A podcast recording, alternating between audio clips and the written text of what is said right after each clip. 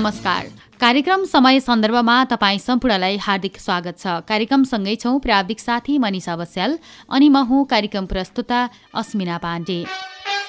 कार्यक्रम समय सन्दर्भ तपाईँले महिला समानताका लागि सञ्चार अभियानद्वारा सञ्चालित महिलाहरूको सामूहिक आवाज सामुदायिक रेडियो मुक्ति पञ्चानब्बे थुप्लो पाँचको ध्वनि तरङ्गबाट हरेक दिन बिहान छ हरेक दिन बिहान सात तिस बजेदेखि आठ बजेसम्म सुन्दै आइरहनु भएको छ। आजको बसाइमा पनि हामी तपाईँहरूको माझमा उपस्थित भइसकेका छौँ। कार्यक्रम समय सन्दर्भ तपाईँले सदाझै आज पनि रेडियो मुक्तिको वेबसाइट रेडियो मुक्ति डट र मोबाइल एप्लिकेसनको हाम्रो पात्रोमा रेडियो मुक्ति बुटुवाल सर्च गरेर पनि संसारभरिकै साथ सुन्न सक्नुहुन्छ सुनिरहनु भएको छ। कार्यक्रम समय सन्दर्भमा हामीले समसामयिक विषयवस्तुमा केन्द्रित रहेर छलफल बहस र जानकारी दिँदै आइरहेका छौँ। आजको बसाइमा भने हामी एक अन्तर्पुस्ता कार्यक्रममा किशोरीहरूले साट्नु भएको अनुभव र लुम्बिनी प्रदेश सरकारले भर्खरै मात्र निकालेको बाल विवाह मुक्त प्रदेशको दस वर्ष रणनैतिक योजनाका विषयमा सरकारवालाले राख्नुभएका विचारहरू तपाईँहरूको माझमा प्रस्तुत गर्नेछौँ। आउनुहोस् आजको कार्यक्रम समय सन्दर्भलाई अगाडि बढाउँ। आजका विषयवस्तुबाट। कार्यक्रम समय सन्दर्भको सुरुवातमा महिला मानवाधिकार रक्षकहरूको सञ्जालको संयुक्त आयोजनामा भएको अन्तर पुस्ता अन्तरसम्वाद कार्यक्रमका सहभागी किशोरीहरूका कुरा तपाईँहरूको माझमा राख्दैछौँ।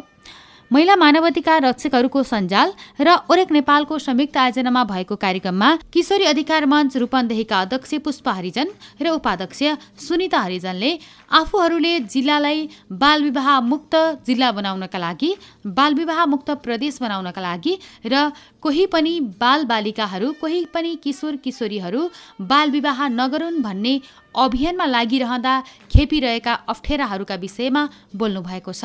उहाँहरूले राख्नुभएको विचार उहाँहरूले अहिलेसम्म भोग्नुभएका समस्याहरू उहाँहरूकै आवाजमा प्रस्तुत गर्दैछौँ हामी।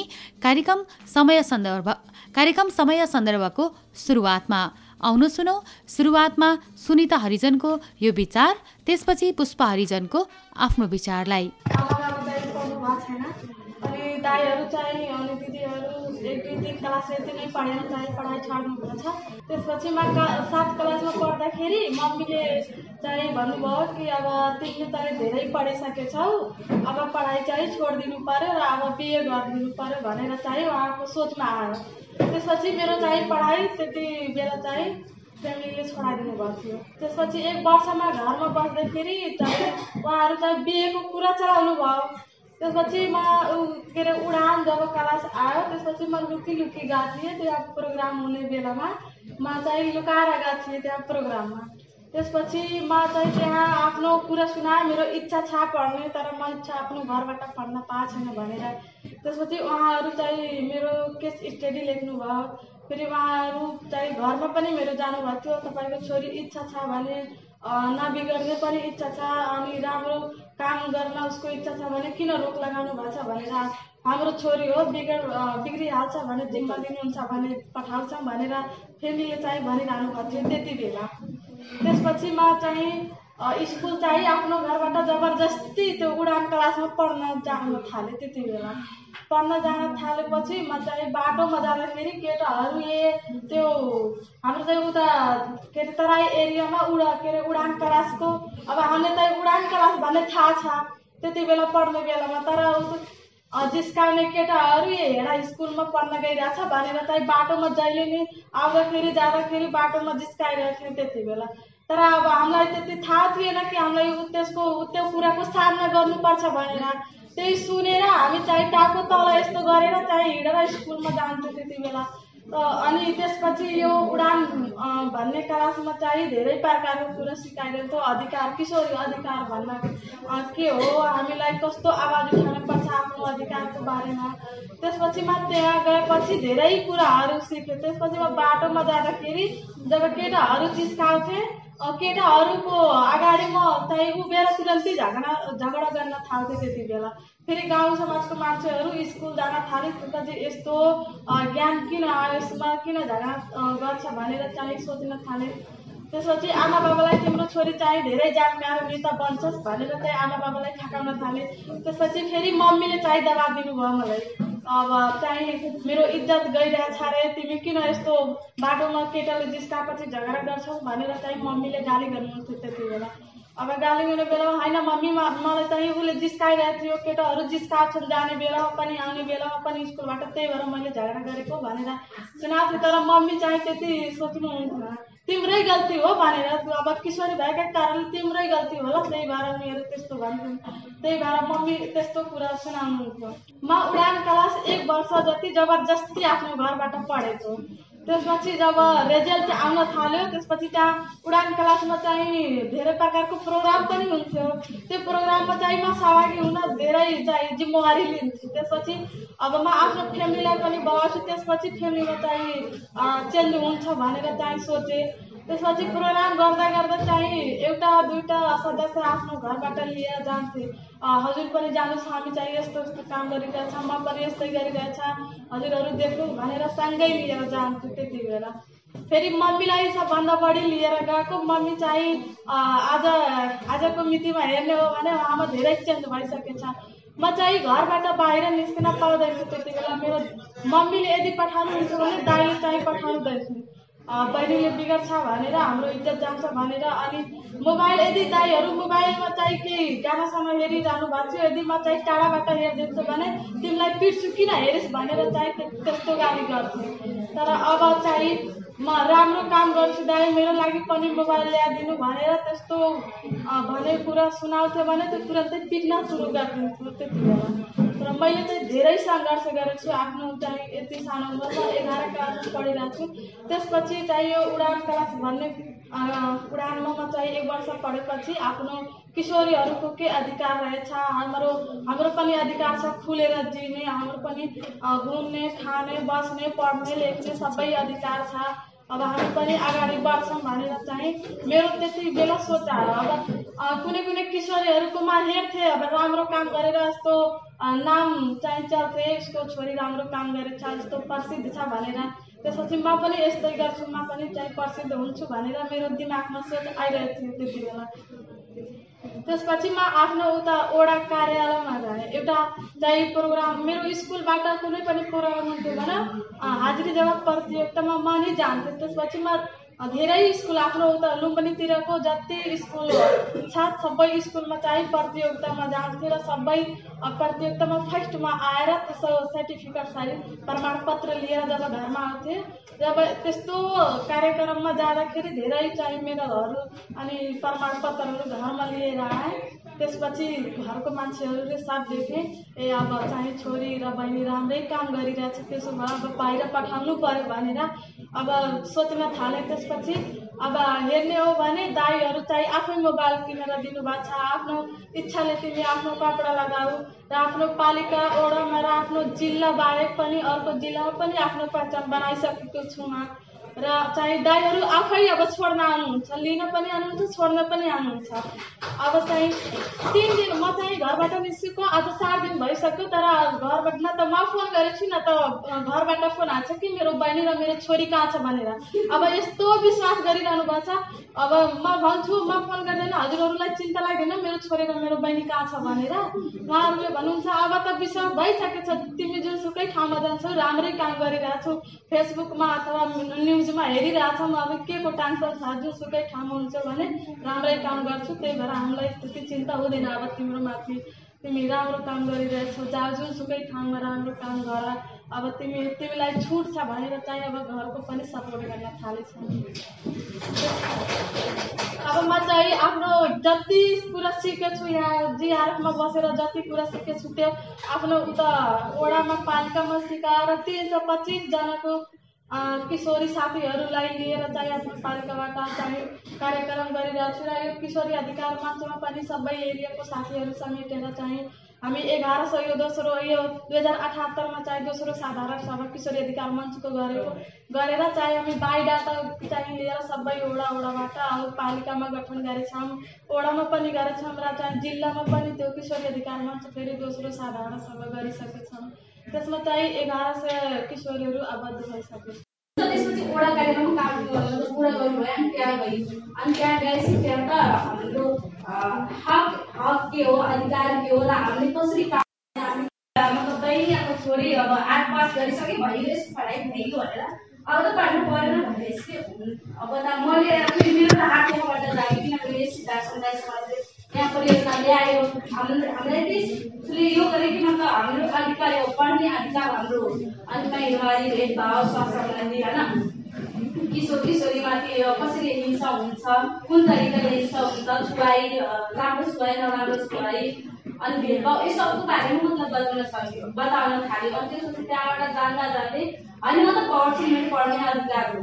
अनि होइन अब त भनियो भनेर उहाँबाट कुरा चलेपछि मैले त मानेन।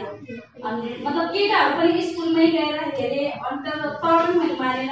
यहाँ नमानेपछि मेरो मतलब त्यसको विपरीत मतलब रिजल्ट आयो।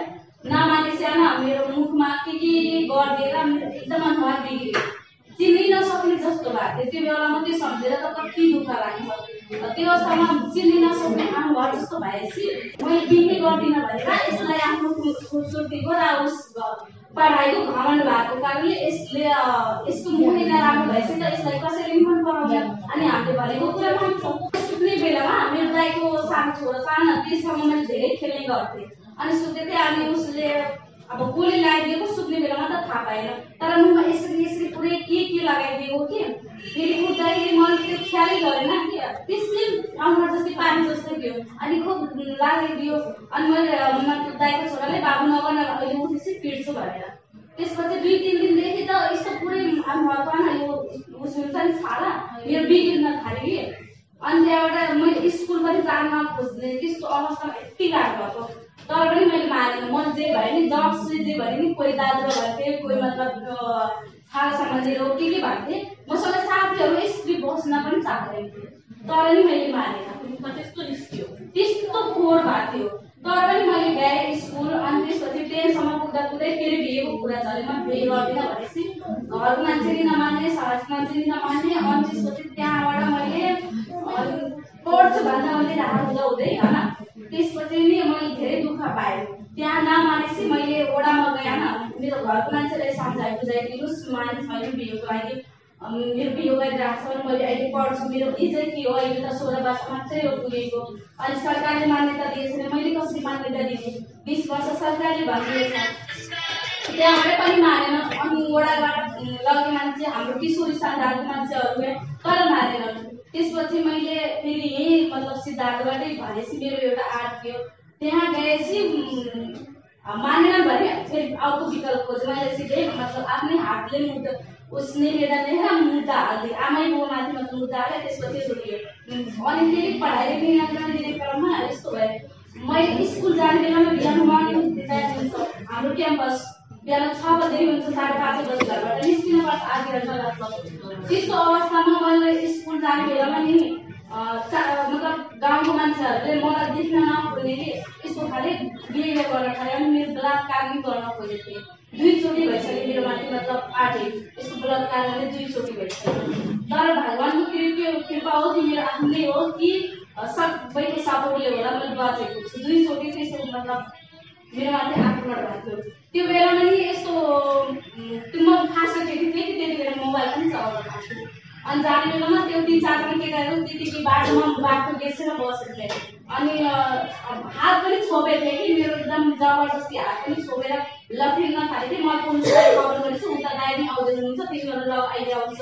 अनि धन्य कि अब भगवान्को माया नि हो भनेपछि धन्य अगाडिबाट एउटा बाइक पऱ्यो कि तिनीहरू छोडेर भागे। मलाई त साइकल लिएर उस दौडदै दौडदै साइकलै त्यही छोडियो दौडदै दौडदै भागेँ। पढेर गाउँ छ त्यहाँ गएर अनि फेरि अनि अलिक मतलब बेला भएपछि गएँ स्कुल। गएपछि सरले गर्दा सर यसरी यसरी मतलब प्रब्लम भइरहेको छ। मलाई कसरी के हुन्छ तपाईँले के गर्नुहुन्छ भनेर अनि हुन्छ हामीले दस बजीदेखि क्लास गर्छौँ। तर अरू विद्यार्थीहरूले मिल्दैन किनभने अब कोही टिचिङमा हुन्छ दस पढेपछि त कोही बोर्डिङमा कोही कहाँ कोही कहाँ गर्छ। मिल्दैन अब एकजनाको लागि त्यसपछि गाउँको दुई चारजना मात्र पढ्न थाल्यो त्यहाँबाट नि मन मारेन अनि किशोरीहरूबाट अब यो सन्तानले अगाडि बढाउनु पऱ्यो भन्ने आयो। अब त्यहाँबाट फेरि हामीले ओडाबाट हाम्रा नगरमा आयो। नगरमा फेरि मेरो यस्तो मेरो गाउँको एउटा केटी थियो। त्यो केटी फेरि बोल्नमा एकदम स्पर्ट थियो। बोर्डिङ पढेको थियो त्यो बोल्नमा एकदम स्पिड थियो। अनि उसलाई त्यो फलाउको छोरी होइन कति राम्रो बोल्छ जहाँ गए स्टेजमै चढेर बोल्छ त्यसलाई देखेर मैले प्रेरणा पाएको। त्यसलाई देखेँ अब त्यसको जस्तै म पनि बन्छु भन्ने मेरो भित्र आँट आयो। अनि त्यसलाई पछाडि छोड्छु भन्ने म सोचेँ कि?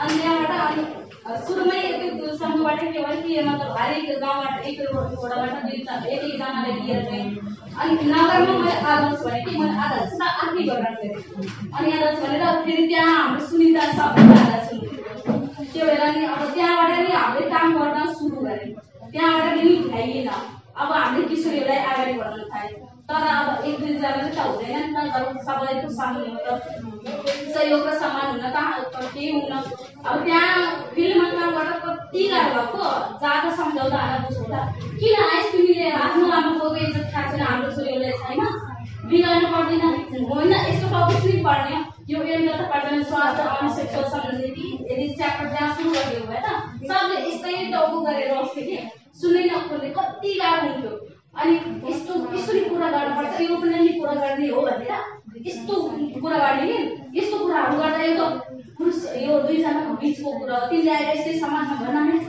मिल्दैन। भनेपछि कति ज्यादा प्रेसर आउनु तर नि तपाईँ हेर्नुहोस् आफ्नो छोराछोरीहरूलाई यसको बारेमा जाने उनीहरू आज जानेनन् भने भोलि त उनीहरूको लागि जुन अवस्थाबाट तपाईँ गुज्रुक्नु भएको छ त्यही अवस्थामा चाहिँ आफ्नो छोराछोरीलाई देख्न सक्नुहुन्छ के तपाईँ चाहनुहुन्छ मेरो छोरी त्यही भाडा बाँसेर बसोस्? के तपाईँ चाहनुहुन्छ मेरो छोरो त्यही हलो जुतेर बसोस् अनि तिमीले त्यो कुरा त ठिकै तर पनि त एकैचोटि मतलब हामीले थिङ्किङ सबै हामीले परिवर्तन गरिन्छ तर टाइम लाग्छ परिवर्तन गर्न सुरुमा त जति गाह्रो भयो नि लाग्छ म मतलब उस गर्दै मेरो मतलब एक वर्ष अगाडि फेरि बिहेको कुरा चलेको मैले त्यो बिचमा नि मतलब आठको जब चलेको थिएँ त त्यस्तो वर्षमा मैले। मलाई यस्तो फिलिङ भएको थियो कि मैले आत्महत्या पनि गर्नसम्म पुगेको थिएँ। त्यहाँ यस्तो भएपछि अब आत्महत्या राम्रो छैन। उता हेला गर्छन्। यता समाजमा गयो नि कस्तो कस्तो। अनि त्यहाँ फेरि मैले मतलब एक्लै घरमा बसेर यताउतिको कुरो सोचेर आउन आत्महत्या गर्नुसम्म पनि पुगेको थिएँ। त्यतिखेर मैले त पढ्न दिँदै सम्झिन्छु। ठ्याक्कै उहाँको फोन आएको रहेछ। अनि तिमी के गरेछौ? अलिक पढाइ कस्तो छ भनेर सोध्नु पऱ्यो दिदी यस्तो यस्तो प्रोब्लम छ मैले त बाँच्न चाहन्न बरु भन्दा राम्रो त मृत्यु हो अनि त्यसपछि त्यहाँ उहाँले लगभग आधा घन्टा जति मलाई तिमी त अहिले भर्खर हो। हामीसँग सोधन यस्तो कति किशोरीहरू छन् जुन बलात्कार भएर पनि बाँचिरहेको तिमी त अहिले त नाम मतलब धेरै सम्झाउनु भयो कि? तिमी आफ्नो पढाइलाई आफ्नो करियरलाई हेर्दैौ जब तिमी सक्सेस हुन्छौ तब पनि मान्छेले तिमीलाई प्रोत्साहन दिन्छ। अहिले त मान्छे यस्तै भन्छन् भनेर एकदम मतलब प्रोत्साहन दिनुभयो कि? त्यसपछि मैले त्यही दुई चारवटा फेरि किताब काट्नु खाएँ अनि कविताहरू लेख्ने नाराहरू बनाउने गरेँ। अनि त्यहाँबाट फेरि मैले पठाएँ निरन्तर गरेँ अनि आएँ अब यहाँ नगरमा मात्रै हुँदैन। हाम्रो सबै गाउँपालिका नगरपालिकामा चलिरहेको छ त्यहाँबाट पनि हामीले अब जिल्लामा पुर्याउन पर्ने कुरा आयो। अनि हुन्छ हामीले त्यहाँ पनि जान्छौँ। अनि फेरि हामीले नगरपालिका जिल्लामा आउँदाखेरि त्यहाँ नि यो साधारण सभा हुँदाखेरि मैले त्यहाँ नि आकर्षिकै परिदिएँ किनभने मेरो के गर्ने आएको नि त यो पुरै रूपले यही किशोरीको कुरा हो। तिनीहरूको भविष्यकै कुरा हो। त्यहाँ नि आदर्शकै पद मैले राखेर हाम्रो सुनिता उपाध्याय साथ साथमै हुनुहुन्छ उपाध्यक्ष उपाध्याय ग्रहण गर्नुभयो। अनि त्यसपछि फेरि हामीले काम गर्न सुरु गऱ्यौँ।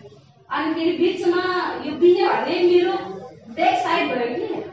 मेरो नि जसरी मैले अगाडि बढ्न खोजेँ त्यसरी यो पछाडि पछाडि आइरहेको छ। फेरि भिडको कुरा चलिरहेको छ। चार दिन अहिले फेरि भिडको कुरा चल्छ म त अहिले गर्दिनँ। तपाईँहरू जे गर्नु छ गर्नुहोस्। मैले पढ्छु पढेर जबसम्म आफ्नो केही बन्दैन तबसम्म मैले केही गर्दैन। तर नि मानेनन् अहिले नि मतलब यातनाहरू लास्टै भोग्न परेछ अहिले म तपाईँहरूलाई बताउँछु हुन त बताउन नपर्ने अहिले दुई महिना मतलब साढे दुई महिना जति भयो फेरि मेरो माथि मैले भने नि दुई चार मतलब बलात्कार हुनुभएको छ फेरि भएको थियो त्यसले महिना अगाडि त्यस्तै सेम कन्डिसन तर त्योचोटि त मैले केटाहरूले समाउन सकेको थिएन तर अहिलेसम्म केस अहिले मतलब स्टडीमै छ चलिरहेको छ पेन्डिङमै होइन अब के गर्ने किन नगर्ने गाउँ पेरेन्ट्सहरू त छोडिदियो यस्तोहरूलाई होइन के गर्ने यस्तो एकचोटि गल्ती हुन्छ दुईचोटि हुन्छ अनि तिनचोटि भएपछि त उस गरिदिने होइन त्यसपछि होइन म त यस्तो आज मैले छोडिदिएँ भने भोलि फेरि तिनीहरूलाई अर्कोमाथि आक्रमण गर्छ त्यही कुराहरू चलिरहेको छ। अनि गाउँ पनि यसको फाल्नको छोरी बिग्रेछ के गर्छ या कहाँ जान्छ दिनभरि कहाँ हुन्छ बिहान छ बजी निस्किन्छ राति आठ बजी आउँछ जिउ पाएर साह्रै गाउँको केटीहरूलाई यसो सम्झाएको केटीहरूलाई बिहार हिँड्ने छ त भन्दाखेरि त मतलब त्यस्तो नराम्रो उसका भाव गर्न थालेछ अनि हाम्रो मैले एउटै केटाले के सम्झिन्छु मैले यो कार्यक्रम चलाउने बेलामा एउटा बाल विवाह मैले त आफ्नै बिहे बाल विवाह एउटा बाल विवाह रोक्ने चाहने बेलामा हाम्रै वडाको सदस्य हुनुहुन्थ्यो उहाँको मतलब नाति होइन? नातिको बिहे थियो। बिहे गर्न लाग्नु थियो जम्मा मतलब उन्नाइस वर्षमा। त्यसपछि त्यो रोक्नको लागि हामीले पहाल गऱ्यौँ। अनि त्यहाँ नि के भन्नुभयो धेरै पहाल दियौँ थिएँ तर रोक्न सकेन तर लास्टमा उहाँले के भन्नुभयो कि हे बहिनी हामी पा पावरमा भएको मान्छे हामीसँग पावर छ। तिमीले हाम्रो पछाडि नआएर तिमीले आफ्नो जान प्यारो छ भने हाम्रो पछाडि नआइज। होइन? त्यहाँबाट पनि मैले एउटा मतलब प्रेरणा पाएँ कि आज म जे छु जहाँ छु त्यो त रहिरहन्छु। जिन्दगीभरि रहिरहन्छु तर अब यो बाल मैले हुन दिँदैन। अब चाहे जान जाओस् त्यो पढाइ जाओस्। त्यहाँ आँट लिएँ कि अनि त्यसपछि पाहाडमा भएको मान्छे के गर्छ? मारिदिन्छ लास्टमा त्यति त हो।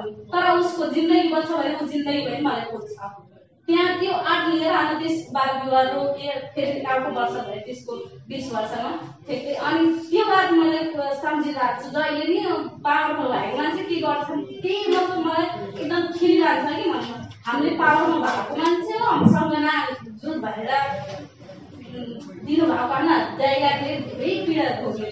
अनि त्यसपछि त्यहाँबाट मारेन अनि त्यसपछि म काठमाडौँ पनि गएँ। खासचोटि जब मैले काठमाडौँ गएँ। सक्थिन छोरीमा इन्टरभ्यू दिन।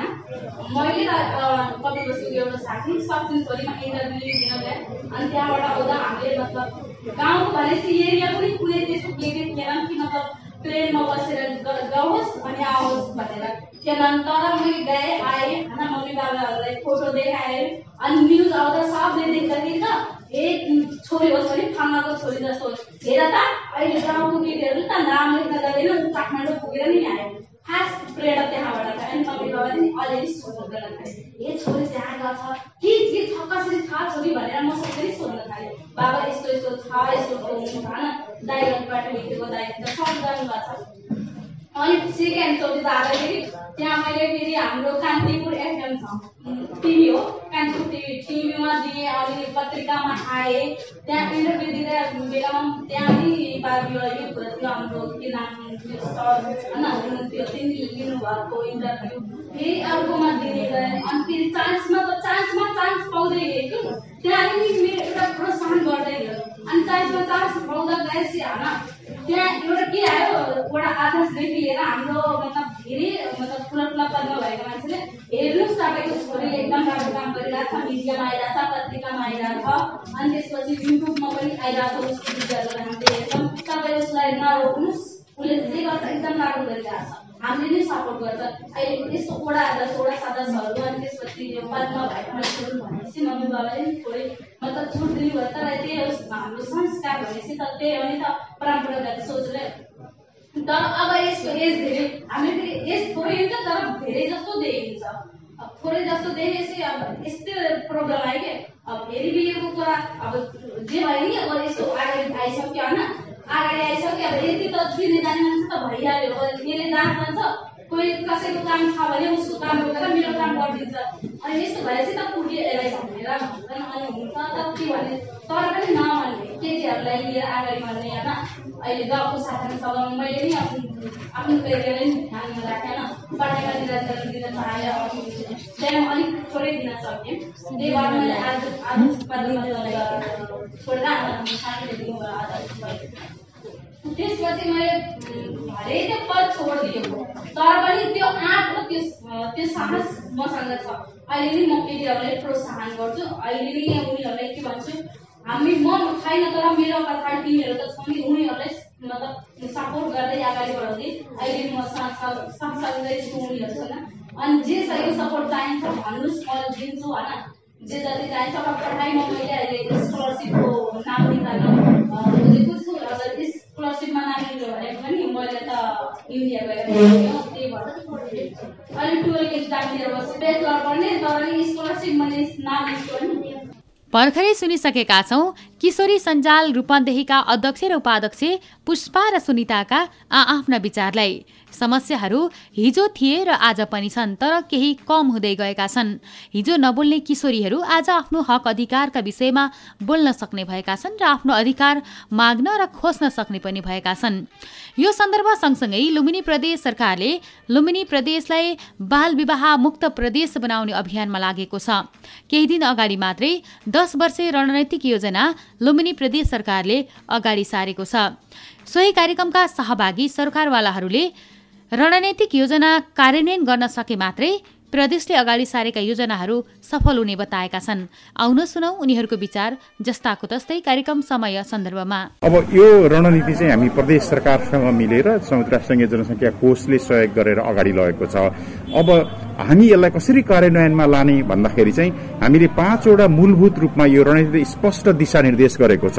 स्थानीय समुदाय वार्ड स्तर अनि पालिका स्तर अनि त्यसपछि प्रदेशमा चाहिँ यसको पोलिटिकल कमिटमेन्ट राजनैतिक कमिटमेन्ट सहित अगाडि जाने र यस बाल विवाह र किशोरीहरूकोमा चाहिँ लगानी बढाउने नै यसको चाहिँ मूलभूत कुरा हो। कार्यान्वयन पक्षमा नै हामी बढी जोड दिनुपर्छ किनभने अहिलेसम्म हाम्रो जुन अनुभवले पनि एन आउँछ होइन तपाईँको अब कार्यविधिहरू बन्छ अथवा नियमावली बन्छ त्यसपछि रणनीति बन्छ कार्यनीति बन्छ तर जबसम्म त्यो कार्यान्वयनको एक्सन प्लान योजना कसरी त्यसलाई समुदाय स्तरमा पुर्याउने? किनभने बाल विवाह भन्ने कुरा को सम्बन्ध हेर्दाखेरि समुदायमा पनि हाम्रो के त एउटा परिवार परिवारसँग जोडिएको हुन्छ। अनि सामाजिक अब संस्थाहरू मिडिया होइन सञ्चार माध्यमहरू लगायत राजनीतिक दलदेखि लिएर अभियानकर्ताहरू नागरिक समाज सबै यो बहुपक्षीय संलग्नताले मात्र हामीले यसलाई जिरोमा दुई हजार तिसमा जुन लक्ष्य लिएको छ दिगो विकास लक्ष्य यसलाई जिरोमा पुर्याउन सक्छ। यो प्रदेशलाई बाल विवाह मुक्त प्रदेश बनाउने भनेर प्रदेश सरकारको नीति तथा कार्यक्रममा पनि उल्लेख भइसकेको छ। यहाँको आवधिक योजनाले पनि बाल विवाह अन्त्यका लागि चाहिँ विभिन्न खालका कार्यक्रमहरू रणनीतिहरू कार्यनीतिहरू अगाडि सारेको छ। त्यसको कार्यान्वयन गर्ने र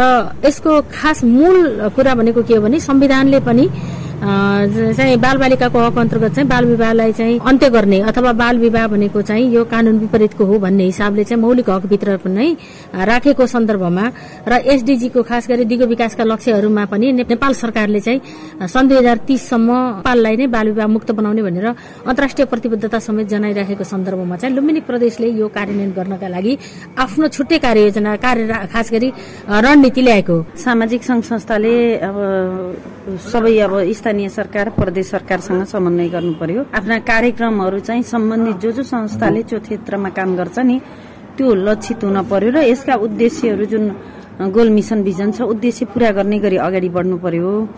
अर्को आफ्ना प्रस्तावनाहरूमा पनि यसलाई चाहिँ अगाडि बढाउनु पर्यो र जुन संरचना छ नि त्यो संरचना मार्फत चाहिँ स्थानीय तह र ओडासम्म पुग्न पर्यो। यसले गर्दाखेरि छिटोभन्दा छिटो चाहिँ बाल विवाह अन्त्यलाई सजिलो हुन्छ होइन भने चाहिँ बाल मैत्री स्थानीय शासन दुई हजार अडसठी रणनीति छ नि? त्यत्तिकै रहन्छ। कति राम्रो छ त्यो? यो पनि राम्रो छ। तर बन्ने बेलामा चाहिँ एकदमै चासो हुने भर्खरै काम गर्छौँ जस्तो हुने। तर इम्प्लिमेन्टेसनमा फेरि हराउँदै जाने। अब त्यो सिकाइले पनि अहिले विशेष गरी चाहिँ प्राथमिकता दिएर एसडिजी गोल अब ट्वेन्टी थर्टीको लागि चाहिँ इम्प्लिमेन्टेसन गरेर सबै यो प्रदेशका पालिकाहरूमा चाहिँ बाल विवाह मुक्त पालिका घोषणा गरेर प्रदेशलाई नै घोषणा गर्ने वातावरणका लागि आजैदेखि लागि भने चाहिँ यो सम्भव। यो रणनीति निर्माण भइसकेपछि प्रदेश सरकारको होल कार्यक्रम भएको छ र यस अन्तर्गत प्रदेश सरकारमा रहेका सबै मन्त्रालयहरू जो जससँग यसमा सहभागी हुन सक्छन् प्रदेशमा रहेका चाहिँ एक सय नौवटा स्थानीय तहहरू र प्रदेशमा रहेका सबै गैर सरकारी संघ संस्थाहरू सामाजिक अभियन्ताहरू सबैलाई चाहिँ हामीले यसलाई केन्द्रित गर्दै सामाजिक जनचेतना जगाउने सांस्कृतिक धार्मिक चेतनाहरू जगाउने त्योसँग आबद्ध महानुभावहरूलाई परिचालन गर्नेदेखि लिएर हामीले स्कुल कलेज आमा समूह क्लबहरू सबैको परिचालन र त्यसलाई आवश्यक पर्ने बजेट चाहिँ प्रदेश सरकारले उपलब्ध गराउने गरी र यसमा काम कार्यरत गैर सरकारी सङ्घ संस्थाहरूलाई समेत जोड्दै बाल विवाहलाई चाहिँ अन्त्य गर्ने यो रणनीति कार्यान्वयन हुनेछ। यिनै विचारहरू सँगसँगै आजका लागि कार्यक्रम समय सन्दर्भलाई छुट्याइएको समय अवधि सकिएको छ। नेपालको संविधानले बीस वर्षभन्दा मुनि विवाह गर्नुलाई गैर कानूनी भनेको छ। तर कतिपय ठाउँमा अहिले पनि बालविवाह भइरहेका छन्। नेपालमा भएका कानूनहरू अहिले पनि कार्यान्वयनमा जटिलता देखिएको छ। यसतर्फ अभिभावक स्वयं किशोर किशोरी समाज र देश पनि गम्भीर बन्नुपर्दछ। हवस् कार्यक्रम सुनेर साथ दिनुभएकोमा तपाईँ सम्पूर्णलाई धेरै धेरै धन्यवाद। प्राविक साथी मनिषा बस्याललाई पनि धेरै धेरै धन्यवाद दिँदै कार्यक्रमबाट म अस्मिना पाण्डे पनि विदा हुन्छु। रेडियो मुक्ति सुन्दै रहनुहोला। नमस्ते शुभ दिन।